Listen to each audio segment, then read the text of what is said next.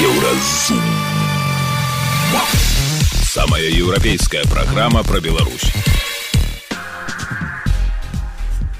Вітаю, гэта праграма Еўразум. І самая важная падзея сэнсы аўторка 27 лютага. Лукашенко зноў сабраўся ў прэзідэнты. Што можа перашкодзіць? Заходзячы з знешнепалітычнага становішча, яно можа так абвастрыцца нават да ўцягнення ў вайну і да баявых дзеянняў. Тады будзе ўжо не да выбараў не выплацяць прэмію як беларусаў заганялі на выбары. Беларусы падзяліліся з еўрарадыо гісторыямі пра тое як іх вельмі моцна прасілі схадзіць на адзіны дзень галасавання. Дед колі лукашэнкі быў палітвязнем за дапамогу бандераўцам суседа пастаялка у ивана андрасюка пасадзілі на 10 гадоў просто за тое што ён не данёс на іх. Пра гэта ды іншае больш падрабязна цягам бліжэйшай гадзіны. Еўразум. Беларусь у еўрапейскім фокусе. Падчас так званага адзінага дня галасавання Лукашенко заявіў, што будзе зноў балатавацца ў прэзідэнты. Як напісаў праўладны аналітык Дзяніс мільянцоў да такога кроку беларускага кіраўніка нібыта паштурхоўваюць няўдачы беларускай апазіцыі і краіны захаду. У той жа час палітолог Андрей Казакевич успрымае гэтую заяву Лукашэнкі абсалютна натуральнай, бо па яго словах ніякіх прыкметаў таго, што ў краіне рыхтуецца транзіт улады няма. Маўляў, пэўныя спадзевы пасля два года былі, але з пачаткам вайны ніхто сур'ёзны варыянт перадачы ўлады ўжо не разглядае. Цяпер Лукашенко знайшоў дадатковыя аргументы, каб казаць людзям у Беларусі, чаму ён усё ж будзе заставацца. Наколькі ўцямныя і пераканаўчыя гэтыя аргументы. Пра гэта ды іншае наш рэдактар зміцер Лукашук пагутарыў з гісторыкам і палітычным аглядальнікам Александром Фрыдманам. Ніколі гэтага не было і вось раптам у сёмы раз так? Что тут сказать мяне па шчырасці толькі здзівіла что лукашенко вырашыў выплеснуць гэта ў публічную прастору свае ўласныя разважанні наконт таго что яму рабіць у 25 годзе что ён зрабіў гэта менавіта зараз. Усё ж таки парламенцкія выборы і ён-то павінен быў разумець что вось калі ён робіць такую заяву яна перакрывае ўсё что до да гэтага было ў прапагандзе і прапаганда пачынае гэта апрацоўваць. Чаму яму менавіта гэта зараз патрэбілась Ну тут можна толькі рознымі спекуляцыямі займацца. Інсцэніроўка ну, была відавочча я муж нават пытанне адмысловае задаў чалавек які ў белце ўжо шмат гадоў адказвае за асвятленне ўсяго звязанага з лукашэнкам. Журналіст владимир Матвеев калі я не памыляюся яго клічуць. Ну такія людзі не задаюць просто так пытанні значыцца ўсё было падрыхтавана значыцца у лукашэнкі была патрэба менавіта у гэты дзень паразмаўляць на гэтую тэму. Ну і гэта сапраўды трошки дзіўна. Але відаць гэтае пытанне просто яго так непакоіць. Яму гэта так важно что вось ён вырашыў нечаго тут яшчэ час марнаваць. Буду гаварыць сёння про гэта. Можа пэўную ролю адыграў і той фактор что ён хоча пагаварыць про гэтую тэму яшчэ до таго як Путін скончыць свае выборы і Путін там будзе абвешчаны пераможцам.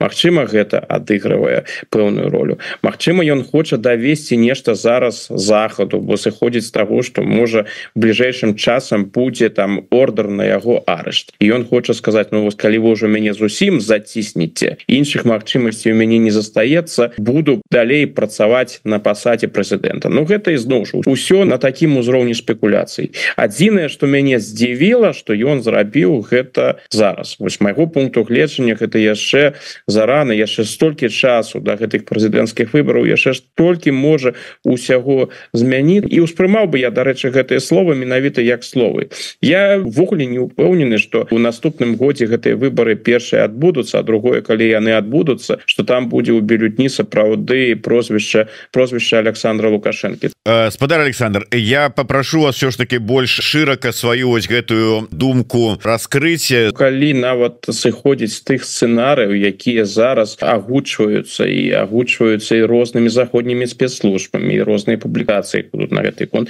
Да і сам лукашенко на мінулым тыдні то падкрэсліў что ён успрымае усе гэтыя сцэнарыі да трэцяй сусветнай войны якіх сур'ёзна. А яшчэ давайте не будем забывацца про тое что лукашенко заўсёды уж падкрэслівае апошнім чынам что ён чалавек які размаўляе асабліва шмат с Путиным Ну мы насамрэч конечно не ведаем что ён ведае але ўсё ж таки я б гэтые слова успрымаю успрымаў досыць сур'ёзна заходзячы з знешнепалітычнага становішча. Яно можа так абвастрыцца нават да ўцягнення у вайну і да баявых дзеянняў. Тады будзе ўжо не да выбараў. І калі гэтага ўсяго не будзе нават сітуацыя застанецца напружанай але Беларусь напрамую не будзе уцягнута ў канфлікт хутчэй за ўсё гэтыя прэзідэнцкія выбары адбудуцца. Цяпер што тычыцца лукашэнкі? Ну ёсць шэраг момантаў по якім можна себе уявіць сітуацыю что лукашэнкі ў гэтым бюлетні не будзе першы момант стан яго здароўя ўсё ж таки это чалавек уже у паважным узросце так ён выглядае у прынцыпе досыць нормально. Я не ўрач зноў жа тут трэба сказаць что гэта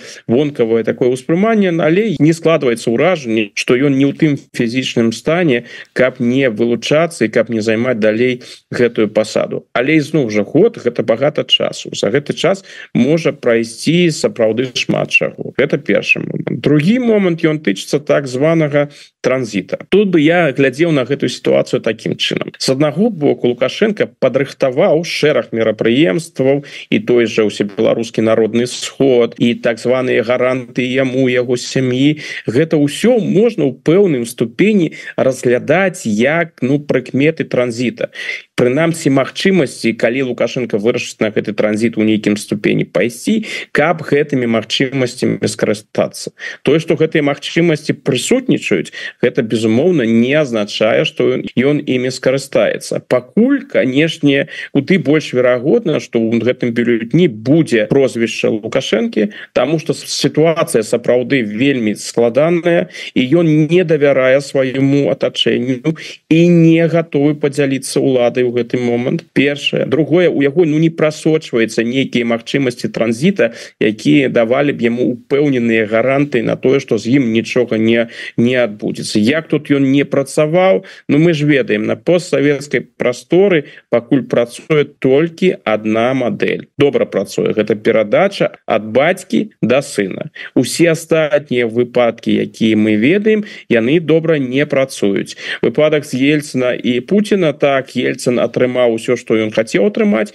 і яго сям'я у шырокім сэнсе гэтага слова. Але палітыка Росіі кардынальна змянілась у пуцінскія часы і гэта не тая палітыка відавочна якую жадаў ельцин. Выпадак Казахстана ён яшчэ больш вядомы. Назарбаев у адрозне ад ельцина дарэчы жадаў і далей уплываць на палітыку Казахстана кантраляваць працэсы і ў гэтым сэнсе гэта хутчэй той варыянт про які марыў лукашенко каб заўсёды апошняе слово было за ім і что ён калі што мог бы умяшацца але ж мы ведаем у Назарбаева гэта не спрацавала. І таму лукашенко мне падаецца не упэўнены что і яго спрацуе. То бок тыя варыянты транзіта калі мы нават будемм сыходзіць з таго что лукашенко стаміўся что ён можа хацеў бы просто кантраляваць і не займацца аператыўным кіраўніцтвам. Тыя варыянты якія на дадзены момант у яго ёсць яны яны неудалыя яны не даюць упэўненасці. І апошні момант апошні чыннік які я подкрэсліў гэта чыннік расійскі. У беларусі ўжо на працягу пэўнай колькасці гадоў з'яўляюцца меркаванні про тое что вось Россия зацікаўлена у тым каб пазбавіцца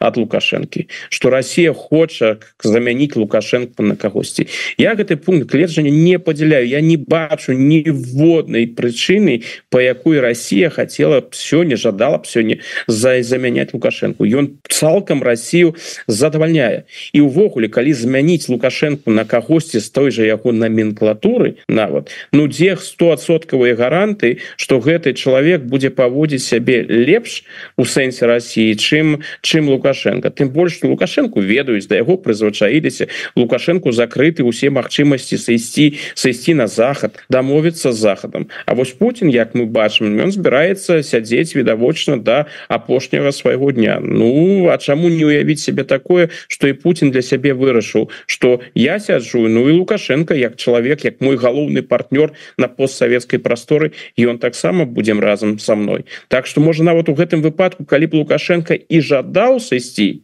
дык не факт что ему Россия дазволіць падчас свайго выступу на выбарчым участку лукашенко таксама заявіў што не будзе ніякага аб'яднання беларусі з рассіяй гэтыя словы вельмі не спадабаліся мясцовым рускамірцам. Але тым не менш ці варта верыць ягоным словам працягвае александр фрыдман Ну я увогуле усім тым словам які ідуць ад лукашэнкі. Я я асабліва не давяраю па шчырасці там там жалезная павінна быць пацверджанне каб і можна было давяраць Ну калі ўсё ж таки паглядзець на гэтыя словы і прааналізаваць ну не зацікаўлены конечно лукашенко у поўным пазбаўленні суверэнітэта і уваходзе ў Россию не хоча ён там быць новым не ведаю прэзідэнтам кіраўніком татарстану альбо новым кіраўніком чачні нават калі паглядзець на гэтые тэрыторыі России якія карыстаюцца пэўнай самастойнасцю. Відавочна лукашенко гэтага не жадае. Але калі мы паглядзім на сённяшнюю Россию ну не з'яўляецца Беларусь для іх прыоритетным накірункам. Яны як мне падаецца вырашылі для сябе что Беларусь ужо у іх у кішэні. Яны ўжо кантралююць Беларусь. Ну сёння гэта лукашенко завтра гэта будзе умоўно кажучы іншы чалавек. Але ў глобальным сэнсе контроль ён прысутнічае а астатніе там фармалізаваць калі патрэбна будзе не ведаюць якасці анексій далучэння яшчэ больш шчыльнага збліжэння гэта ўсё з пункту угледжання Росіі напэўна можна будзе зрабіць. Ўсё прынцыповыя пытанні прынцыповыя пытанні вырашаны А зараз у іх іншыя прыоритеты. Зараз ім важно там разобрацца з Украінай дасягнуць сваіх мэтаў в Украіне Вось калі яны дасягнуць сваіх мэтаў в Украіне далучаць умоўна кажучы як яны жадаюць ці ў той или іншай ступені Украіну да Белару да России калі у іх это атрымаецца спадзяюся что ніколі не атрымаецца але ж калі атрымаецца ну дык тады яны і займуцца шчыльна пытаннями Беларусі. А ўжо ці будзе на той момант знаходзіцца лукашенко ва ўладзе увогуле дзе будзе лукашенко гэта іншае іншае пытанне. На дадзены момант лукашенко з яго асаблівасцямі з яго там пэўнай самастойнасцю ён іх задавальняе Дякую вялікі. Александр Фридман зміцер лукашук. Еўрарадыё кропка FM далей у праграме еўразум. Не выплацяць прэмію як беларусаў заганялі на выбары. Беларусы падзяліліся з еўрарадыё гісторыямі пра тое як іх вельмі моцна прасілі схадзіць на адзіны дзень галасавання дзед колі лукашэнкі быў палітвязнем за дапамогу бандераўцам суседа пастаялка у ивана андрасюка пасадзілі на 10 гадоў просто за тое што ён не данёс на іх сустрэнемся пасля навінаў спорту Еўразум. Беларусь у еўрапейскім фокусе.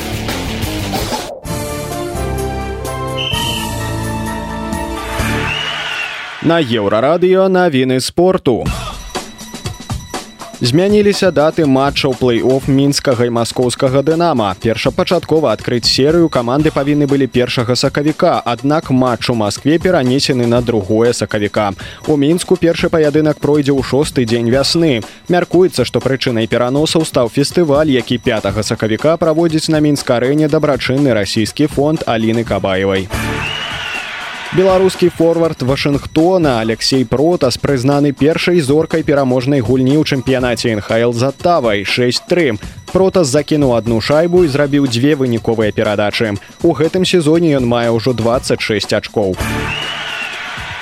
Фінальны паядынак футбольнага кубка Беларусі сёлета пройдзе ў жодзіне. Ён прызначаны на 25 траўня. За ганаровы трафей працягваюць змагацца 8 каманд. Чвэрцьфіналы пройдуць у сакавіку. Галоўным трэнерам футбольнай зборнай Швецыі прызначаны 47гадовы дацкі спецыяліст Йондаль Томас. Гэта першы замежны трэнер, які будзе працаваць са шведскімі футбалістамі. У гасцявым чвэрцьфінальным матчы сэха лігі мяшкоў брест разграміў машеку 34-20. Паядынак у адказ пройдзе ў брэсці чацвёртага сакавіка. Няма сумненняў, што ў фінал чатырох трапіць лідар беларускага гандболу. Гэта былі навіны спорту, заставайцеся на еўрарадыё.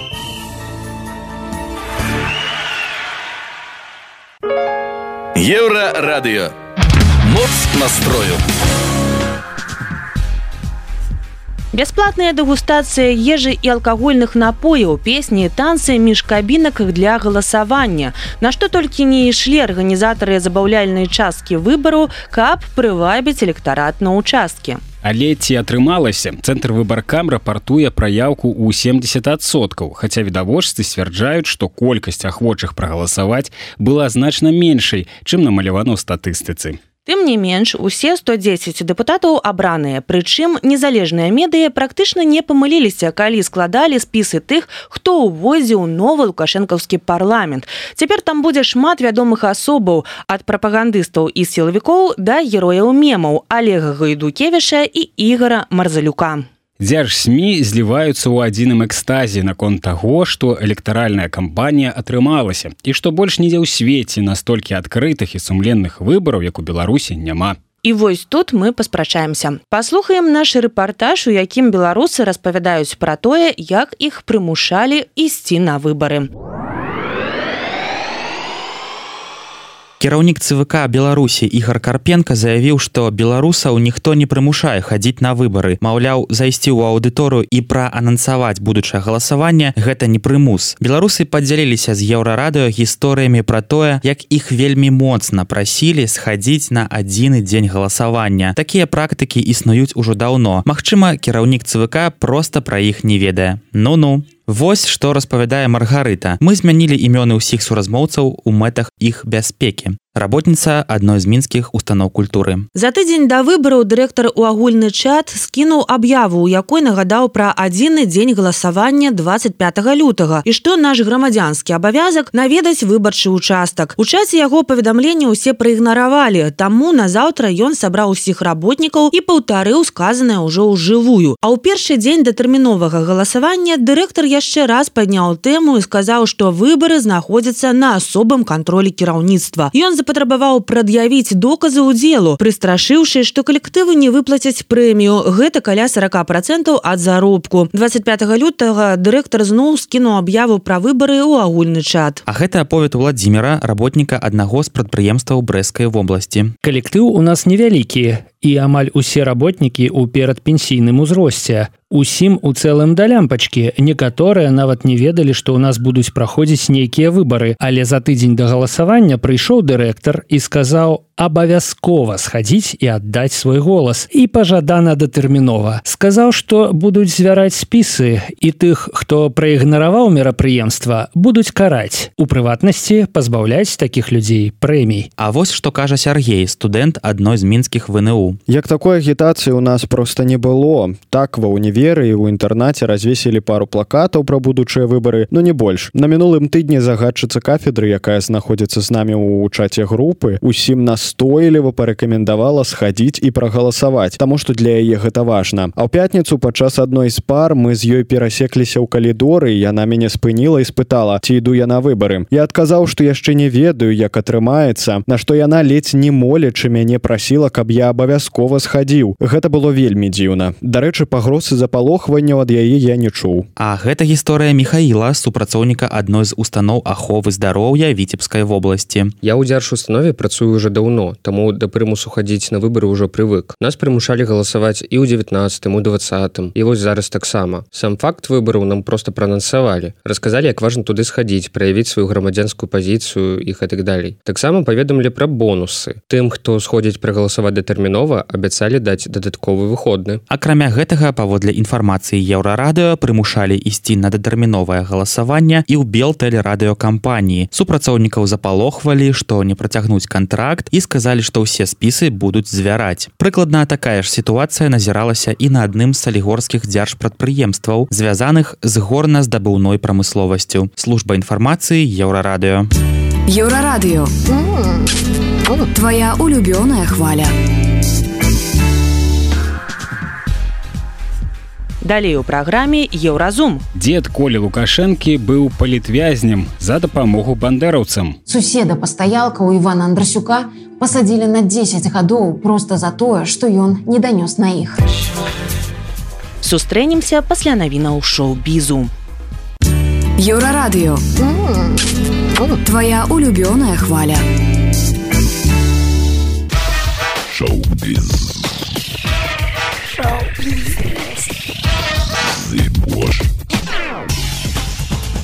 Навіны шоу-бізу на еўрарадыё. Нядаўна абвешчаны дыягназ караля Карла III выклікаў хвалю падтрымкі. У букінгемскі палац было адпраўлена больш за 7 тысяч паштовак і лістоў. Палац выпусціў кранальнае відэа на якім бачна як кароль разглядае подборку гэтых шчырых паведамленняў некаторыя з іх выклікалі смех ды самыя шчырыя пачуцці. Нягледзячы на скарачэнне публічных выступаў дзеля курсу лячэння монарх працягвае займацца дзяржаўнымі справамі. Яго нядаўняе пасланне салідарнасці з украінай у гадавіну ўварвання рассіі падкрэслівае яго нязменную прыхільнасць глобальным праблемам на фоне асабістых цяжкасцей са здароўем Райан Гослінг выканае песню я проста кен са знакамітай кінастужкі на ўручэнні прэміі Оскар. Пасля некалькіх месяцаў здагадак пацверджана, што акцёр заспявае песню ў жывую на цырымоніі. Гослінг, які мае намінацыю за лепшую мужчынскую ролю другога плана, першапачаткова выказаў няўпэўненасць наконт выступу, але цяпер гатовы для гэтага. Марк Ронсон, аўтар песні, паведаміў, што марыў пачуць сваю кампазіцыю выкананні Раяна на Оскары. Я проста кен адна з дзвюх намінаваных песень з барбі. Цырымонія ўручэння прэміі Оскар адбудзецца ўжо 10 сакавіка. Тимати шаламе нядаўна перагледзеў параду акцёра Леонарда Дкапры, які перасцерагаў першага ад здымак у фільмах пра супергерояў. Шаламе прытрымліваўся парады, але выказаў адкрытасць да роляў супергерояў, калі сцэнар і рэжысёр стужкі будуць пераканаўчымі. Тимати назваў цёмнага рыцара фільмам, які распаліў яго запал да акцёрскага майстэрства, высока ацаніўшы гульню легендарнага хіта леджера. Сёлета шаламе ў асноўным засяроджаны на прэм'еры другой часткі фільма дзюна. Разам з калегай зендае яны ўжо прэзентуюць стужку па свеце. Хто ведае, сёння акцёр пазбягае фільмаў па коміксах, але ў будучыні можа з'явіцца супергерой і ў яго выкананні. Гэта былі навіны шоу-бізу, заставайцеся на еўрарадыё.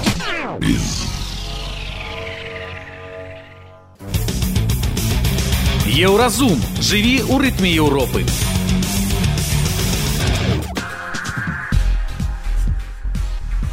Сцяпан пастаялка дзед колі лукашэнкі па мацярынскай лініі але калі пра бабулю былую міністарку аховы здароўя людмілу пастаялка прапаганда ўзгадвае даволі часта то пра яе мужа і бацьку ірыны абельскай звычайна ні слова. Прычыну раскапала выданне наша ніва оказывается сцяпан пастаялка і ўся яго сям'я ахвяры сталінскіх рэпрэсій яны патрапілі ў гулах за дапамогу бандераўцам і гісторыя цесця лукашэнкі напамін кожнаму пра тое што ў змрочныя часы патрапіць пад пераслед можа любы. Хто не хоча мірыцца з бесчалавечнай уладай. Пра сцяпана пастаялку дарэчы палішука па нараджэнні распавядае журналістка на староўда упершыню пра тое што коля лукашенко мае украінскія карані яго бацька мімаходам расказаў яшчэ ў 2014 годзе. Мой младший сынішка наполовину украінец Але ж тады на гэтую фразу ніхто асабліва не звярнуў увагі. Усе ведалі, што мама колі Рынабельская сям'і ўраджэнца Украіны, ну і проста ўспрынялі гэтыя словы Лукашэнкі як чарговае сведчанне таго, што менавіта асабістая доктарка і нарадзіла яму сына. Але ж гэтая гісторыя нашмат цікавейшая і глыбейшая. У ёй ёсць месца і смеласці і гору і бязлітасным рэпрэсіям супраць нязгодных з уладай дыктатара.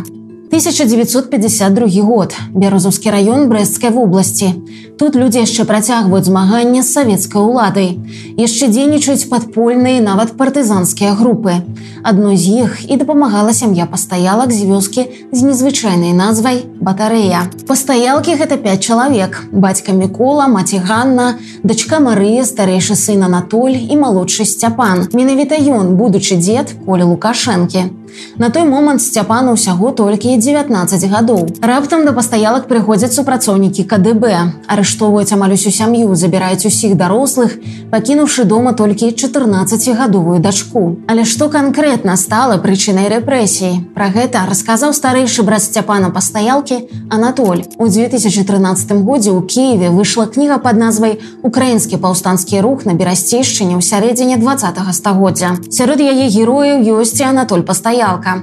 Вот што ён расказваў, я зачытаю вам цытату. Я чуў, што ёсць такія людзі. Тут маецца на ўвазе паўстанцы, але не бачыў іх. Сябраваў з аднакласнікам Канстантінам Пухоўскім суседняга сяла. Часта з ім вяліся размовы крытычнага антысавецкага характару, але без пэўнага кірунку, мэты. Я ў той час вучыўся ў бярозе картузскай. Прыязджае аднойчы мой бацька Миколай Лукіч, здаецца вясной 1949 года і кажа, што да нас з часам заходзяць украінскія партызаны. Хацелі б яны бачыць і мяне. Тут варта патлумачыць кантэкст. Украінская паўстанцкая армія ці УПА была ўтворана ў 1942 годзе. Яе касцяк склалі актывісты арганізацыі украінскіх нацыяналістаў. Але УПА неўзабаве стала шырэйшай. Гэтая арганізацыя ставіла задачу здабыцця ўкраіны незалежнасці. Даволі масавай была УПА і ў паўднёвых раёнах берасцішчыны і на піншчыне. Там у многіх людзей была украінская свядомасць і да вайны нават існавалі арганізаваныя украінскія палітычныя і культурніцкія структуры. Нават сам Александр Лукашенко са спасылкай на архівы заяўляў у 2014 годзе журналістам, што ва УПА на тэрыторыі цяперашняй брэсцкай вобласці уваходзіла да 15 тысяч чалавек. Кіраваў так званай беларускай акругай украінскай паўстанцкай арміі Александр Сцепанюк. Ён загінуў 1952 у тым жа годзе, калі рыштавалі сям'ю пастаялкаў. Але вернемся да нашых герояў. Вось яшчэ кавалак з успамінаў Анатоля пастаялкі. Прыбыў я дадому выходны дзень. Як толькі сцямнела, зайшлі ў хату двое. Гадзіны тры-чатыры ў нас сядзелі, размаўлялі са мной, распытвалі пра школу, навіны, настрою вучняў, насельніцтва, настаўнікаў. А хто ж вы пытаюся. Пачалі расказваць пра сябе пра ауну па бандеру тараса чупрынку.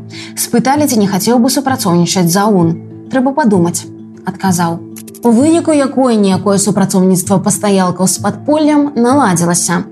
Яно працягвалася больш за два гады.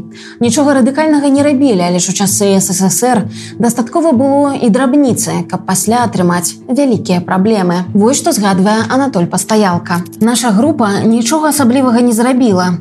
Адзін раз у бярозе парасклівалі, параскідвалі ўлёткі. Нам прынеслі паўстанцыі гатовыя друкарскім спосабам вырабленыя. Тады ўсю міліцыю паднялі на ногі. Усюды хадзілі, вышуквалі, са сцен здзіралі. Аднак нас не выявілі, нават падазрэнне не ўпала. А так былі сустрэчы паміж сабой з паўстанцамі, размовы, мары.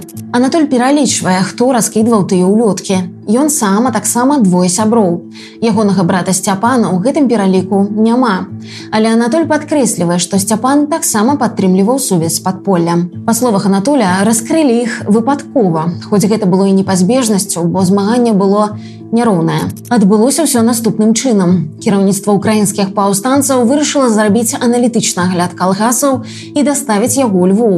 Сувязна, якая мусіла даставіць дакумент на зборны пункт каляпінска, трапіла ў засаду. На допытах жанчына не вытрымала катаванняў і расказала, што ведала. Так выйшлі на Анатоля пастаялку, які пісаў агляд па сваёй вёсцы. Дакумент быў рукапісным з імёнамі ўсімі фактамі. Таму знайсці, хто яго складаў, было лёгка. Просто параўналі почерк са школьнымі шыткамі і гатова. Спачатку арыштавалі Анатоля. Праз некалькі дзён прыйшлі па яго малодшага брата Сцяпана і іх бацьку. А праз паўтара месяца забралі і маці. Прычым, як пасля згадвала дачка, была страшэнная завіруха такая, што машына не змагла праехаць. Дык за мамай на конях прыскакалі і забралі яе. Далей сям'ю пастаялак чакалі адзіночныя камеры, допыты, збіццё, ўсё тое, пра што цяпер праходзяць беларусы, якія не згодныя з палітыкай Александра Лукашэнкі. Журналістка Наста Роуда працягвае аповед пра гісторыю яго цесця сцяпана пастаялкі. У сакавіку 1952 года Анатоль Сцяпан і іх бацька атрымалі па 25 гадоў за дапамогу арганізацыі украінскіх нацыяналістаў. Па гэтай справе асудзілі агулам больш за 10 аднавяскоўцаў.